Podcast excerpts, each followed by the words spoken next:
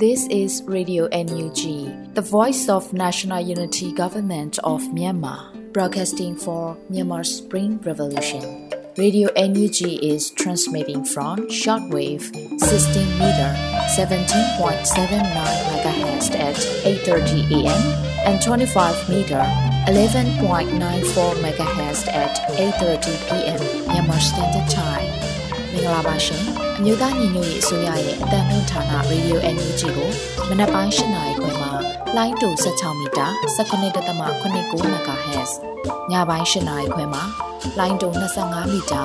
17.6 MHz တို့မှာဓာတ်ရိုက်ဖမ်းယူနိုင်စေနိုင်ပါရှင်။မင်္ဂလာအပေါင်းနဲ့ပြည့်စုံကြပါစေ။အခုချိန်ကစပြီး Radio NUG အစီအစဉ်လေးကိုဓာတ်ရိုက်အတန်လွှင့်ပေးနေပါပြီရှင်။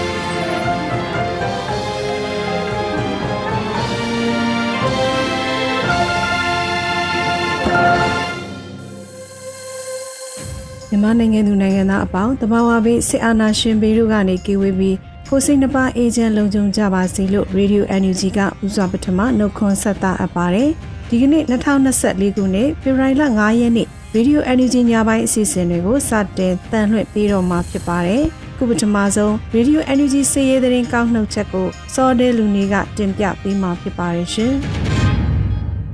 မင်္ဂလာပါခင်ဗျာခုချိန်ကစပြီး2024ခုနှစ်ဖေဖော်ဝါရီလ9ရက်နေ့ညပိုင်းစီးရီးသတင်းကောင်းနှုတ်ချက်များကိုစတင်ဖတ်ကြားတင်ပြပေးပါတော့မယ်ကျွန်တော်စောတဲလူနေပါ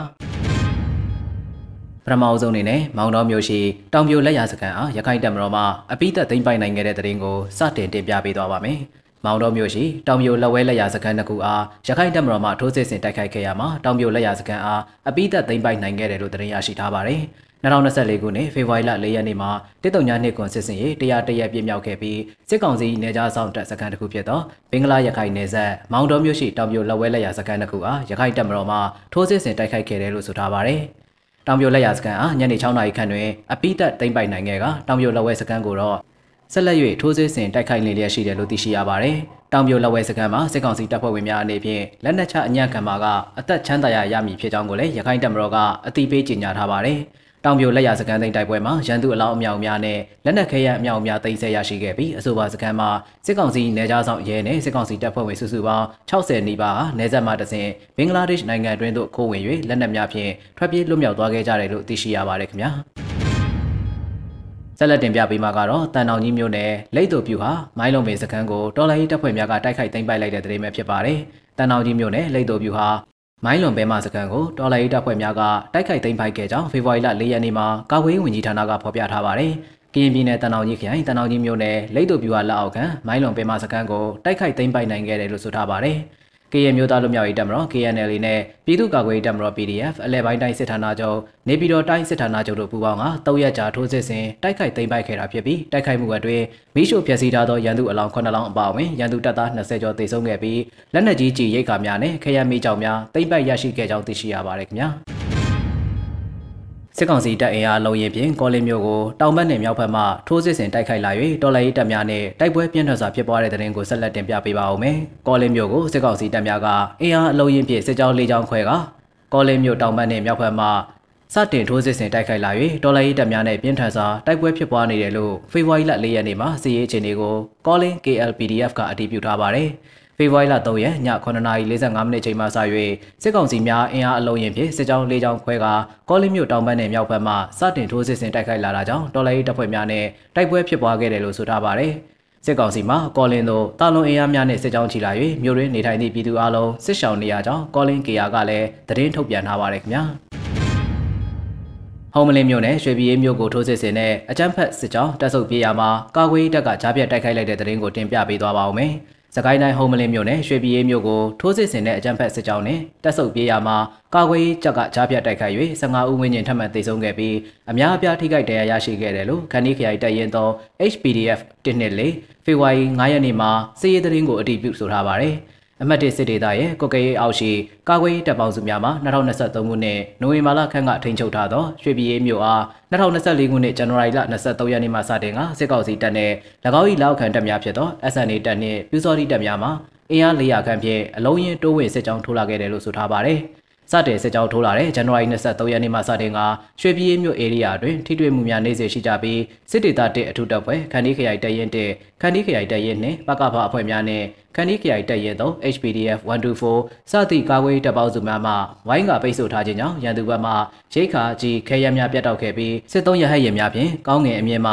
ချပေးခဲ့ရတယ်လို့သိရှိထားပါတယ် စစ်ကောင်စီဘက်မှအင်အားအများပြားဖြင့်ရွှေပြည်မြို့အားစစ်ကြောင်းထိုးသည့်အပြင်ဟာဝေဇာလက်နက်ကြီးများဖြင့်ပစ်ခတ်ခြင်းစစ်သုံးရဟတ်ရင်များဖြင့်ပုံကျဲခြင်းများပြုလုပ်ခဲ့တော်လဲပြည်သူ့ကာကွယ်ရေးတပ်ပေါင်းစုများဘက်မှဟန်ချက်ညီစွာခုခံခဲ့ကြတယ်လို့သိရှိရပါတယ်။ ဆယ်ရက်အကြာထိတွေ့မှုအပြီး2024ခုနှစ်ဖေဖော်ဝါရီလ3ရက်နေ့ညတကောင်ရအချိန်မှာတိတ်တဆိတ်တက်ဆုပ်ပြေးလာသောရန်သူစစ်ကြောင်းအားအသင့်ဆောင်ဆိုင်နေရယူထားသောကာကွယ်ရေးတပ်ပေါင်းစုများမှလက်ဦးမှုရယူကပြစ်ခတ်နိုင်ခဲ့ပြီးမိနစ်30ခန့်အနည်းကအပြန်အလှန်ပြစ်ခတ်ခဲ့ကရန်သူဘက်မှအထိနာခဲ့ပြီးဝရုံသုံးကထွက်ပြေးတိမ်းရှောင်ခဲ့ရကရန်သူဘက်မှ15ဦးဝန်းကျင်တိတ်ဆုံးခဲ့ပြီးအများအပြားထိခိုက်ဒဏ်ရာရရှိခဲ့တယ်လို့သိရှိရပါတယ်ခင်ဗျာ နထိုးကြီးမြို့နယ်မှာစစ်ကောင်စီရဲ့မိုင်တဲတာဝါတိုင်းကိုဖောက်ခွဲဖျက်ဆီးပြီးစစ်ကောင်စီတပ်များကိုနေရာနှံ့တိုက်ခိုက်ခဲ့တဲ့တဲ့ရင်ကိုဆက်လက်တင်ပြပေးပါဦးမယ်။ဖေဖော်ဝါရီလ3ရက်နေ့ကနထိုးကြီးမြို့နယ်မက်ခရာကျေးရွာအနီးရှိအမိုက်တဲတာဝါတိုင်းအားမိုင်းခွဲဖောက်ခွဲဖျက်ဆီးခဲ့ပြီးမိုးလဲပိုင်းမှာခမန်းရင်အား90ခန့်လိုက်ပါလာတဲ့စစ်ကောင်စီကားနှစ်စီးအားနထိုးကြီးမြင်းကြံလမ်းပိုင်းမိုင်း3ချိန်ဖောက်ခွဲတိုက်ခိုက်ခဲ့တယ်လို့သိရှိရပါတယ်။အဆိုပါကားများဟာတာယာကုန်းကျေးရွာအရောက်မှာပြည်သူပိုင်နေအိမ်များမှပစ္စည်းများအားဖောက်ထွင်းလူရက်နေသဖြင့် face win ဖြင့်ပုံတီတစ်လုံးကျချတိုက်ခိုက်ခဲ့ရာစစ်ကောင်စီ2ဦးသေဆုံးသွားခဲ့ပါတယ်။ဒါအပြင်နထိုးကြီးမြို့နယ်ပင်စီကျေးရွာရှိရဲစခန်းအားဒရုန်းဖြင့်ပုံတီ2ကြိမ်ကျချတိုက်ခိုက်ခဲ့ပြီးတပ်ဆွဲအထိုင်ချထားရာလက်စစ်ဓာတ်အားပေးခွဲရုံတို့အားပုံတီတစ်လုံးကျချတိုက်ခိုက်ခဲ့ရာမှာထိခိုက်သေဆုံးမှုများကိုတော့စုံစမ်းဆဲဖြစ်ကြောင်းသိရှိရပါတယ်။ စစ်စင်ရေးကိုနထိုးကြီး People Defense Force မြင်းညံခရိုင်အမှတ်၄တပ်ရင်းနဲ့မြင်းညံခရိုင်အမှတ်၈တပ်ရင်း NRDF နထိုးကြီးမြို့နယ်ပကပါမြင်းညံ District Drone Strike အမှတ်1848 drone တပ်တို့မှပူးပေါင်းလှုပ်ဆောင်ခဲ့တာဖြစ်ကြောင်းသိရှိရပါတယ်ခင်ဗျာဆက်လက်တင်ပြပေးမှာကတော့ရေးတဝဲကားလမ်းပေါ်အခြေစိုက်တည်ရှိနေသောအမှတ်430ချိန်မြန်တပ်ရင်ကို drone ဖြင့်ပုံကျဲတိုက်ခိုက်ခဲ့ရမှာစစ်ကောင်စီသုံးတိုက်ဆုံခဲ့တဲ့တဲ့ရင်ပဲဖြစ်ပါတယ် ရေးတဝဲကားလမ်းပေါ်ရှိကလေးအောင်မြို့နယ်ကြောက်ရွံ့ကျေးရွာကြားမှာအခြေစိုက်တည်ရှိတဲ့အမှတ်430ချိန်မြန်တပ်ရင်ကိုဝေဟင်မှဒုံဖြင့်ဘုံကျဲတိုက်ခိုက်ခဲ့ရမှာစစ်ကောင်စီ3ဦးသေဆုံးခဲ့တယ်လို့ဖေဖော်ဝါရီလ9ရက်နေ့မှာစစ်ရေးသတင်းကိုဒေါနာစစ်ကြောင်းကအတည်ပြုထားပါတယ်2024ခုနှစ်ဖေဖော်ဝါရီလ2ရက်နေ့နနက်8:30မိနစ်ခန့်တွင်ကံပေါက်ဒေသပြည်သူ့ကာကွယ်ရေးတပ်ဖွဲ့ဒေါနာတပ်ခွဲ၄ဤဒရုန်းတပ်ဖွဲ့နှင့် Dawei Defense Team DDD တပ်ခွဲ3တို့ပူးပေါင်း၍တိုက်ခိုက်ခဲ့တာဖြစ်တယ်လို့ဆိုထားပါတယ်။ အဆိုပါ430တပ်ရဲအားဘုံသီးလေးလုံးအုံပြု၍တိုက်ခိုက်ချိန်မုံခဲ့ခြင်းဖြစ်ပြီးဘုံကျဲတိုက်ခိုက်မှုကြောင့်အမှတ်430ချိန်မြန်တပ်ရဲရဲ့အဆောက်အုံတချို့ထိခိုက်ပျက်စီးခဲ့ပြီးစစ်ကောင်စီတပ်သား3ဦးသေဆုံးက9ဦးခန့်ဒဏ်ရာရရှိခဲ့ကြောင်းသတင်းရရှိထားပါတယ်။ဘုံကျဲတိုက်ခိုက်နေစဉ်အတွင်းစစ်ကောင်စီတပ်မှလက်နက်ငယ်များဖြင့် drone ကိုပြန်လည်ပစ်ခတ်ခဲ့ပြီးလက်နက်ကြီးဖြင့်လည်း15ချိန်ထက်မနည်းရန်တမ်းပစ်ခတ်ခဲ့တယ်လို့သိရှိရပါတယ်ခင်ဗျာ။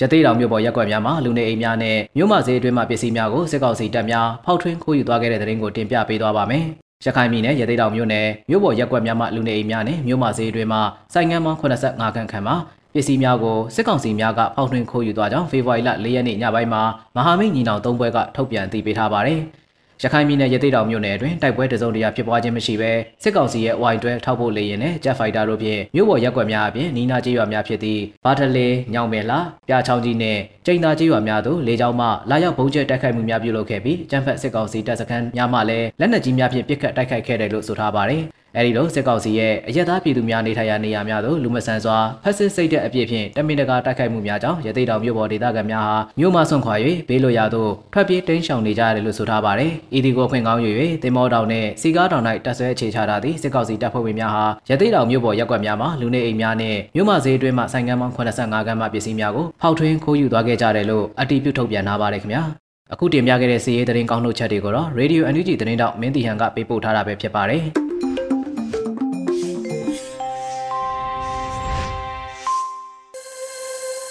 ရေဒီယို NUG မှဆက်လက်အသံလွှင့်ပေးနေပါတယ်။ဆက်လက်ပြီးပြည်ရင်းသတင်းများကိုရန်နိုင်ကတင်ပြပေးမှာဖြစ်ပါတယ်ရှင်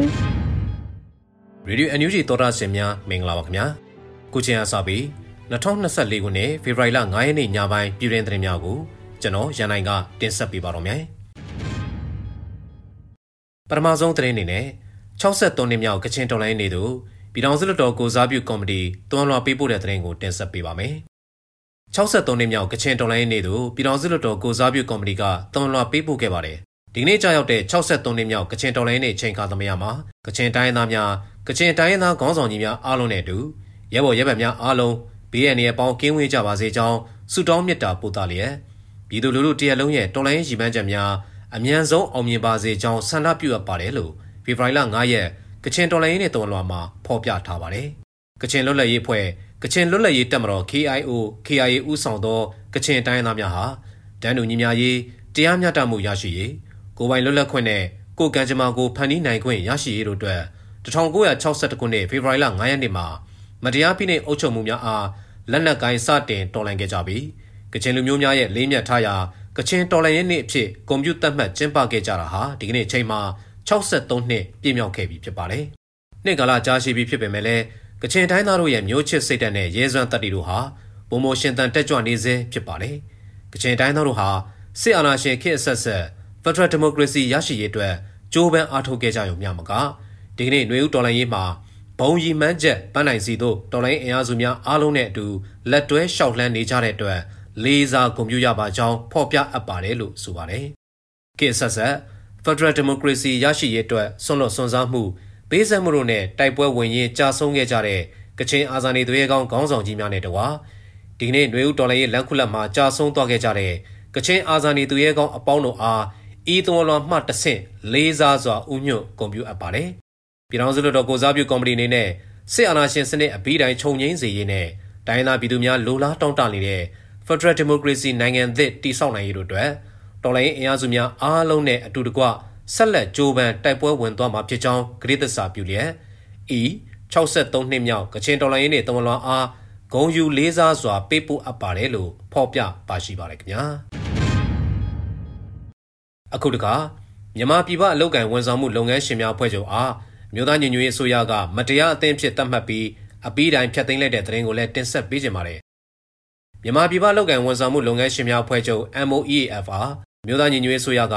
မတရားအသင်းဖြစ်သတ်မှတ်ပြီးအပီးတိုင်းဖျက်သိမ်းလိုက်ကြောင်းမြို့သားညီညွတ်ရေးအစိုးရအလို့သမားဝန်ကြီးဌာနကကြေညာချက်အမှတ်တင်မြင့်ဆောင်2024ကိုဖေဖော်ဝါရီလ9ရက်နေ့ကထုတ်ပြန်ကြေညာခဲ့ပါတယ်မြန်မာပြည်ပလောက်ကန်ဝန်ဆောင်မှုလုပ်ငန်းရှင်များအသင်း Myanmar Overseas Employment Agency Association MOEAA ရခိုင်အမည်ဟောင်းမြန်မာပြည်ပလောက်ကန်ဝန်ဆောင်မှုလုပ်ငန်းရှင်များအဖွဲ့ချုပ် MOEAF အနေနဲ့ agency များရဲ့အလုပ်သမားများပေါ်ဝန်ဆောင်ခအစမတန်ကောက်ယူခြင်းလုပ်ငန်းခွင်သို့ရောက်အောင်မပို့ဆောင်ခြင်း အလို့သမားခွင့်ရေးချိုးဖောက်ခံရမှုများကိုဖြည့်ရှင်းဆောင်ရွက်ပေးမှုမရှိခြင်းစတဲ့ဥပဒေမဲ့လုပ်ရများကိုစီကြက်မှုမရှိဘဲအကြမ်းဖက်စစ်ကောင်စီနဲ့ပူးပေါင်းပြီးဆီယနာရှင်စနစ်တည်မြဲရေးအတွက်တက်ကြွစွာပူးပေါင်းဆောင်ရွက်နေပြီး လူခွင့်ရေးချိုးဖောက်မှုများလူမျိုးတုံးတပ်ဖြတ်မှုများလူသားမျိုးနွယ်ပေါ်ကျူးလွန်နေတဲ့စစ်ရာဇဝတ်မှုများကိုအားပေးအားမြောက်ပြုတဲ့အနေနဲ့စစ်ကောင်စီအားငွေကြေးများထည့်ဝင်ထောက်ပံ့ပေးနေခြင်းစစ်ကောင်စီရဲ့နိုင်ငံခြားငွေအရေးပေါ်လိုအပ်ချက်ကိုဖြည့်ဆည်းပေးရန်အတွက်မြန်မာရွှေပြောင်းလူသမားများရဲ့ချွေးနှဲစာကိုမတရားဝင်ငွေကွန်အခွန်နှစ်ထပ်ကောက်ခံခြင်းနဲ့လောအားကားရဲ့25ရာခိုင်နှုန်းအားမိသားစုတန်းလွှဲပို့ငွေဖြစ်စစ်တပ်ကအစီအစဉ်ထားတဲ့နီလန်အတိုင်း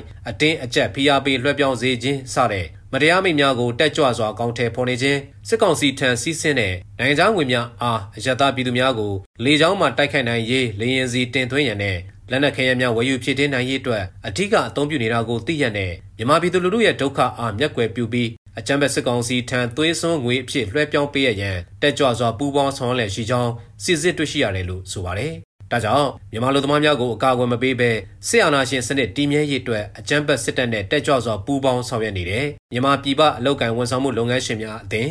MOEAA မြန်မာပြည်ပလုပ်ကံဝန်ဆောင်မှုလုပ်ငန်းရှင်များအဖွဲ့ချုပ် MOEAF ရခိုင်အမည်ဟောင်းအားမတရားအသင်းဖြစ်သတ်မှတ်ပြီးအပီးတိုင်ဖျက်သိမ်းလိုက်ကြောင်းကြေညာအပ်တယ်လို့ဖော်ပြပါတယ်။ပြည်ပလုပ်ကံအကျိုးဆောင်အေဂျင်စီများအနေနဲ့ရွှေပြောင်းလူသမားများပေါ်ဝန်ဆောင်ခအစမတန်ကောက်ယူခြင်းလုပ်ငန်းခွင်သို့ရောက်အောင်မပို့ဆောင်ခြင်း လူသမားခွင့်ရေးချိုးဖောက်ခံရမှုများကိုချိန်နယ်တပြင်းညီလိုက်ပါဖြည့်ရှင်းဆောင်ရွက်ပေးမှုမရှိခြင်းစသည်တို့အပြင်မြန်မာရွှေပြောင်းလူသမားများရဲ့ချွေးနှဲစာမှအကြမ်းဖက်စစ်ကောင်စီအပေါ်ဝင်ငွေခွန်ပေးဆောင်ရတဲ့အကြမ်းဖက်စစ်ကောင်စီအကျိုးဖြစ်ထွန်းစေမဲ့နီလန်ဖြင့်မိသားစုတံငွေလွှဲပို့ရန်အတင်းအကျပ်ဖိအားပေးစေခိုင်းခြင်းပြုလုပ်လာပါကအမည်ပြစီရင် blacklist သတ်မှတ်ပြီးအကြမ်းဖက်မှုတိုက်ဖြတ်ရေးဥပဒေနဲ့တရားစွဲဆိုအရေးယူသွားမယ်လို့ဆိုထားပါတယ်ခင်ဗျာအခုတခါ Pursuant Conflict Transformation and Peace in Myanmar Symposium မှာ NUG နိုင်ငံခြားရေးဝန်ကြီးအဖွဲ့မိန်ကွန်းပြောကြားတဲ့သတင်းကိုလည်းတင်ဆက်ပေးပါမယ်။ Australia နိုင်ငံ University of Melbourne မှာဖေဖော်ဝါရီလ2ရက်နေ့ကကျင်းပပြုလုပ်ခဲ့တဲ့ Pursuing Conflict Transformation and Peace in Myanmar Symposium မှာအမျိုးသားညီညွတ်ရေးဆိုရနိုင်ငံတိုင်းဝန်ကြီးဌာနပြည်ထောင်စုဝန်ကြီးဒေါ်စင်မအောင်က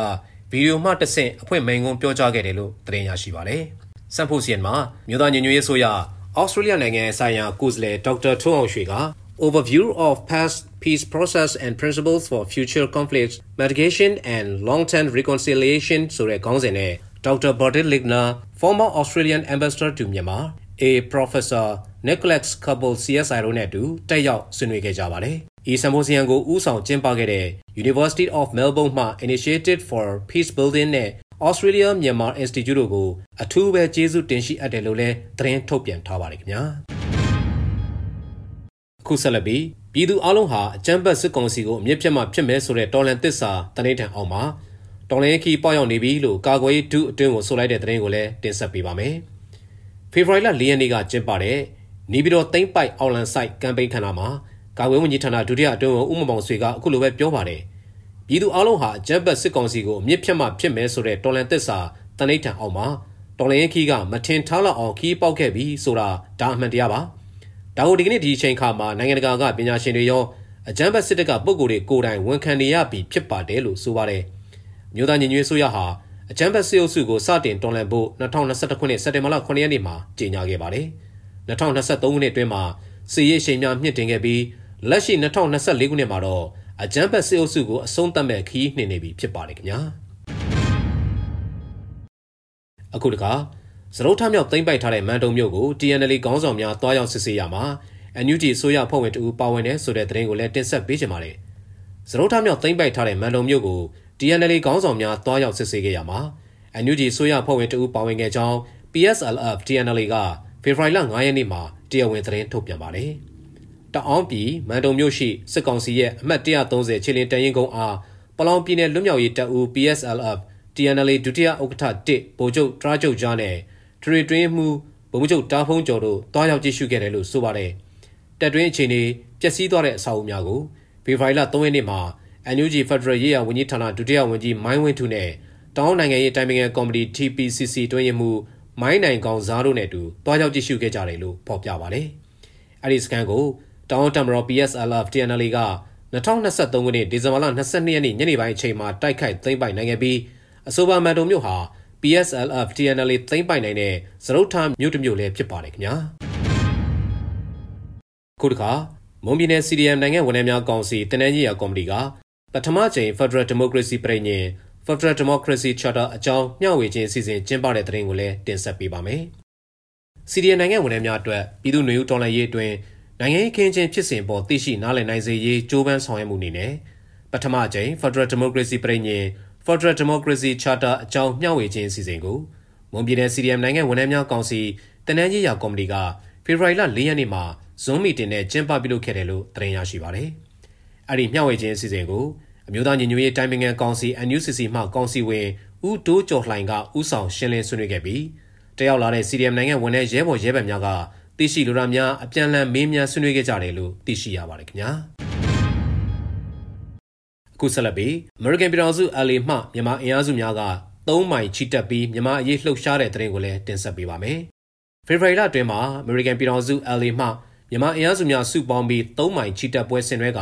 မြန်မာအရေးလှုပ်ရှားခဲ့ကြပါတယ်။အလီမှာကျင်းပတဲ့3မိုင်ချီတက်ပွဲပါလို့ရုပ်သံနဲ့တကွသတင်းထုတ်ပြန်ဖော်ပြပါတယ်။ချီတက်ပွဲအတွက်လူငယ်အများစုပါဝင်က မြန်မာအရေးကိုတောင်းဆိုလှုပ်ရှားခဲ့ကြတယ်လို့သတင်းရရှိပါတယ်ခင်ဗျာ။ဆလဘီအမေရိကန်နိုင်ငံဆန်ဖရန်စစ္စကိုမြို့မှာတော်လိုင်းရေး၃နှစ်ပြည့်ချီတက်ဆန္ဒပြပွဲနဲ့ညပိုင်းမှာမီထွန်းဆူတောင်းပွဲကျင်းပတဲ့သတင်းကိုလည်းတင်ဆက်ပေးကြပါမယ်။အမေရိကန်ပြည်ထောင်စုကယ်လီဖိုးနီးယားပြည်နယ်ဆန်ဖရန်စစ္စကိုမြို့မှာမြောက်ပိုင်းကယ်လီဖိုးနီးယားဒီမိုကရေစီအင်အားစုများစီစဉ်တဲ့မြန်မာနွေဦးတော်လိုင်းရေး၃နှစ်ပြည့်ချီတက်ဆန္ဒပြပွဲနဲ့ညပိုင်းမှာလူလူဆန္ဒထုတ်ဖော်မိထွန်းဆူတောင်းပွဲခန်းနာကိုဖေဖော်ဝါရီလ2ရက်မှာကျင်းပခဲ့ပါတယ်။ အဲ့ဒီခန်းနာတွေကိုမြန်မာအင်အားစုများတက်ရောက်ခဲ့ကြပါတယ်။လက်ရှိအမေရိကန်နိုင်ငံရောက်မြန်မာအင်အားစုများကမြန်မာအရေးကိုဇရိုက်ဖိအားပေးလှုပ်ရှားမှုများလှုပ်ဆောင်နေတာဖြစ်ပါတယ်ခင်ဗျာ။ခုနောက်ဆုံးနွေဦးလက်ဖက်ရည်ဝိုင်းမှာဖေဖော်ဝါရီလအတွက်တော်လိုင်းရေးရန်ပုံငွေအမေရိကန်ဒေါ်လာ13000ကျော်ရရှိတဲ့ဆိုတဲ့သတင်းကိုတင်ဆက်ပေးပါမယ်။အမေရိကန်နိုင်ငံဆန်ဖရန်ဘေးအေရီးယားမှာလှုပ်ဆောင်တဲ့နွေဦးလက်ဖက်ရည်ဝိုင်းဈေးအောင်ပွဲကနေဖေဖော်ဝါရီလအတွက်ဒေါ်လာရင်းရမုံငွေအမေရိကန်ဒေါ်လာ13000ကျော်ရရှိခဲ့ကြောင်းဖေဖော်ဝါရီလ9ရက်နေ့က နွေဦးလက်ဖက်ရည်ဝိုင်းမိသားစုထံကသတင်းရရှိပါတယ်။26ကြိမ်မြောက်နွေဦးလက်ဖက်ရည်ဝိုင်းမိသားစုမှယနေ့ရောင်းရငွေအလွန်ငွေလက်ခံရရှိမှုစုစုပေါင်းအမေရိကန်ဒေါ်လာ13635ဒေါ်လာရရှိပါတယ်။ချက်ပြုတ်လူတန်းပေးတဲ့လူရှင်များငွေသားလူရှင်များဝယ်ယူအားပေးတဲ့မိတ်ဆွေများဝိုင်းဝန်းကူညီတဲ့မိတ်ဆွေများအားလုံးကိုကျေးဇူးတင်ပါတယ်လို့အသိပေးဆိုပါတယ်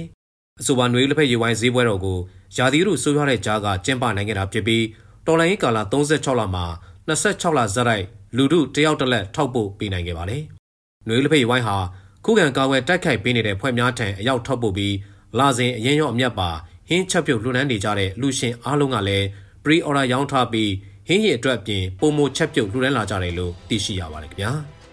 အခုတင်ပြခဲ့တဲ့သတင်းတွေကို Radio NUG သတင်းတောက်မင်းစီဟန်ကပေးပို့ထားတာဖြစ်ပါတယ်ခင်ဗျာ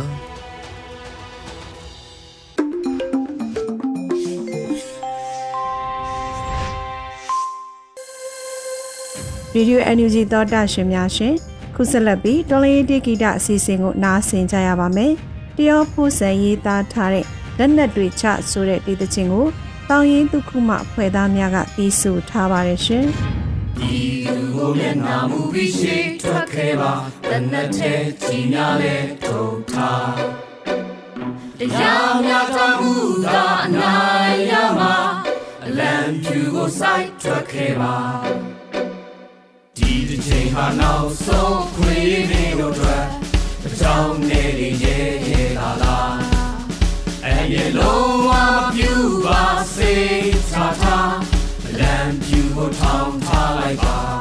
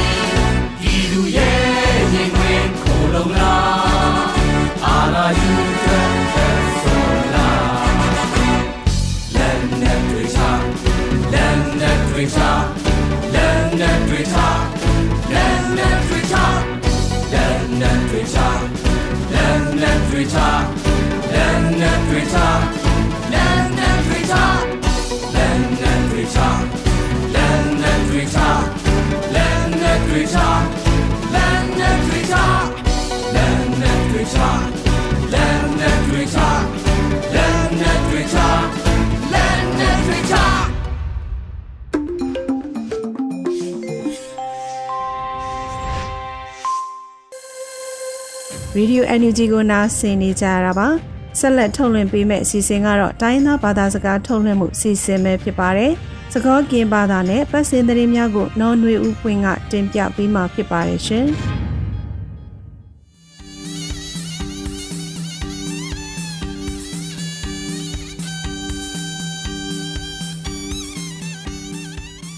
Hello gelo kamna tabuti so so wa batu to kwe ညူကြီးကွဲလေးလိုတာတာကလေးတဘလို့နေလောအခေဒေါ်တနွေချောပူတကစောတဖာနေယာနော်နွေဦးပွင့်ကပပလာနေသူနေလောတွန်ဆောခတီတီမီဝဒအမေရိကထူကောကိုတိုဝဲဂလိုပါဟီကူတာမစ္စတာဒဲရက်ချော်လာတော့ညူကြီးထူကောကိုတိုဒစီမာအော်တဖာထီလိုတာတာရင်းနေလောအမေရိကထူကောကိုတိုဝဲဂလိုပါဟီကူတာမစ္စတာဒဲရက်ချော်လာတော့ညူကြီးထူကောကိုတိုဒစီမာအော်တဖာ မဝဲတတီလိုတာရီဖဲလာဖေဗူအာရီခီတိုနီမစ္စတာဒါရက်ချလနေဒီတင်ညာဝဲဖဲအဝဲအထရတနီလောဖဲတီဒီပါဘာထရတော် EROS ပါဖို့ထထောဘူးဝါလေရီဒဝဲတဖာမဝဲတတီဟူတော်အန်ယူဂျီတူလိုဝဲတာကေ ကော်ပီယတိကောပူတကဒိုနေဝဲဒီမိုကရေစီအောတာဟီခောဟီနိုတတီတဖာကစောထွဲဝဲအောဝဲပါဖလာဝဒနီလောဒေါ်ခိခောရပါတတီလိုတိုင်းနေထီကောကကိုကလရူဘတ်တအခွဲအိုနေကွဲပါဖလာဝဒစီကောဖဲပီတာဝီနေပတိုနေပါတာဆောနေလော တာကစောခီတူမီဝဒသူဟိနေစုတာဆိုတာကမောဤတာကမကတကွီဒေါ်ဖက်ဒရယ်ဒီမိုကရေစီကောဆပ်ဖို့တိကောတော့ဓာတုထောအပူကဒုတကိုတာဝ KNU မပန်နေရတခဟိတဆတ်တော်ဝဲတာရင်းနီလောသူဟိနိစုတဆုတကမောဤတကမကတကွီဒေါ်ဖက်ဒရယ်ဒီမိုကရေစီကောဆပ်ဖို့တိကောတော့ဓာတုထောအပူကဒုတကိုတာဝ KNU မပန်နေရတခဲ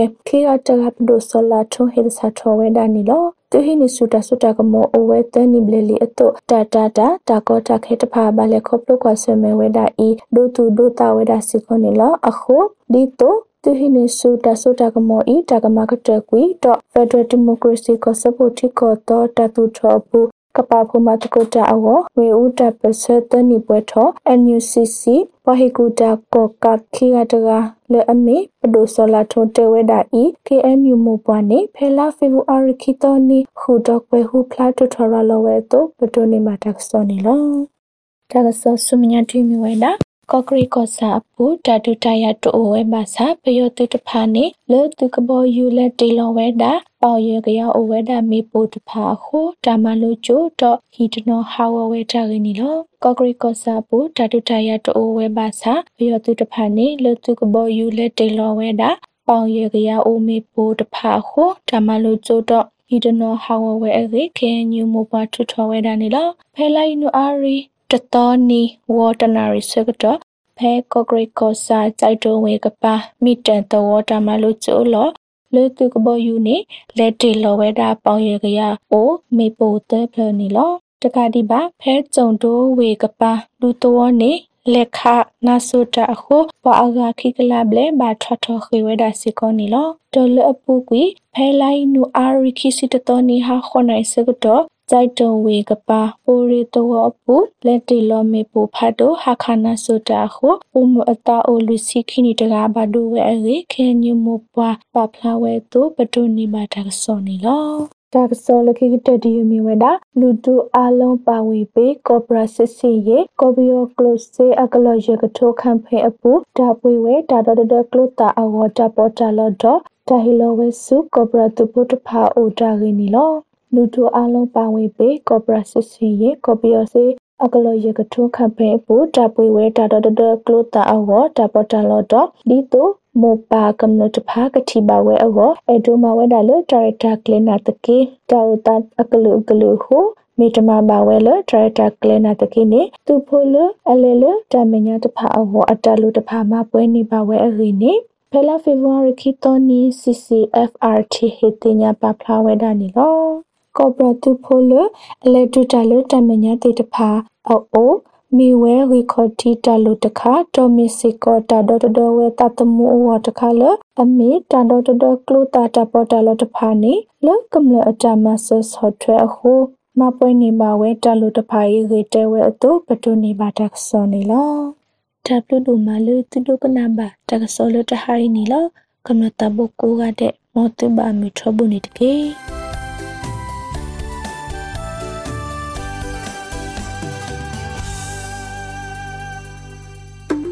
ဒီကနေ့ကတော့ဒီညနဲ့ပဲ Radio NUG ရဲ့အစီအစဉ်လေးကိုခਿੱတရနာလိုက်ပါမယ်ရှင်။မြမစံတော်ချိန်မနက်၈နာရီခွဲနဲ့ည၈နာရီခွဲအချိန်တွေမှာပြန်လည်ဆုံတွေ့ကြပါစို့။ Radio NUG ကိုမနက်ပိုင်း၈နာရီခွဲမှာလိုင်းတူ16မီတာ17.8 MHz ညပိုင်း၈နာရီခွဲမှာလိုင်းတူ25မီတာ17.6 MHz တို့မှာဓာတ်ရိုက်ဖမ်းလို့နိုင်စေနိုင်ပါပြီ။ မြန်မာနိုင်ငံသူနိုင်ငံသားတွေကိုစိတ်နှပြကျန်းမာချမ်းသာလို့ဘေးကင်းလုံခြုံကြပါစေလို့ Radio NUG အဖွဲ့သူဖွဲ့သားတွေကဆုတောင်းမြတ်တာပို့ပါတယ်ရှင်။မြေသားညီမတွေအစိုးရရဲ့စက်တော်ရေးသတင်းအချက်အလက်နဲ့လူပညာဝန်ကြီးဌာနကထုတ်လွှင့်နေတဲ့ Radio NUG ဖြစ်ပါတယ်။ San Francisco Bay Area အခြေစိုက်မြန်မာမိသားစုတွေနဲ့နိုင်ငံတကာကစေတနာရှင်တို့အားပေးနေတဲ့ Radio NUG ဖြစ်ပါတယ်။အရေးတော်ပုံအောင်ရမည်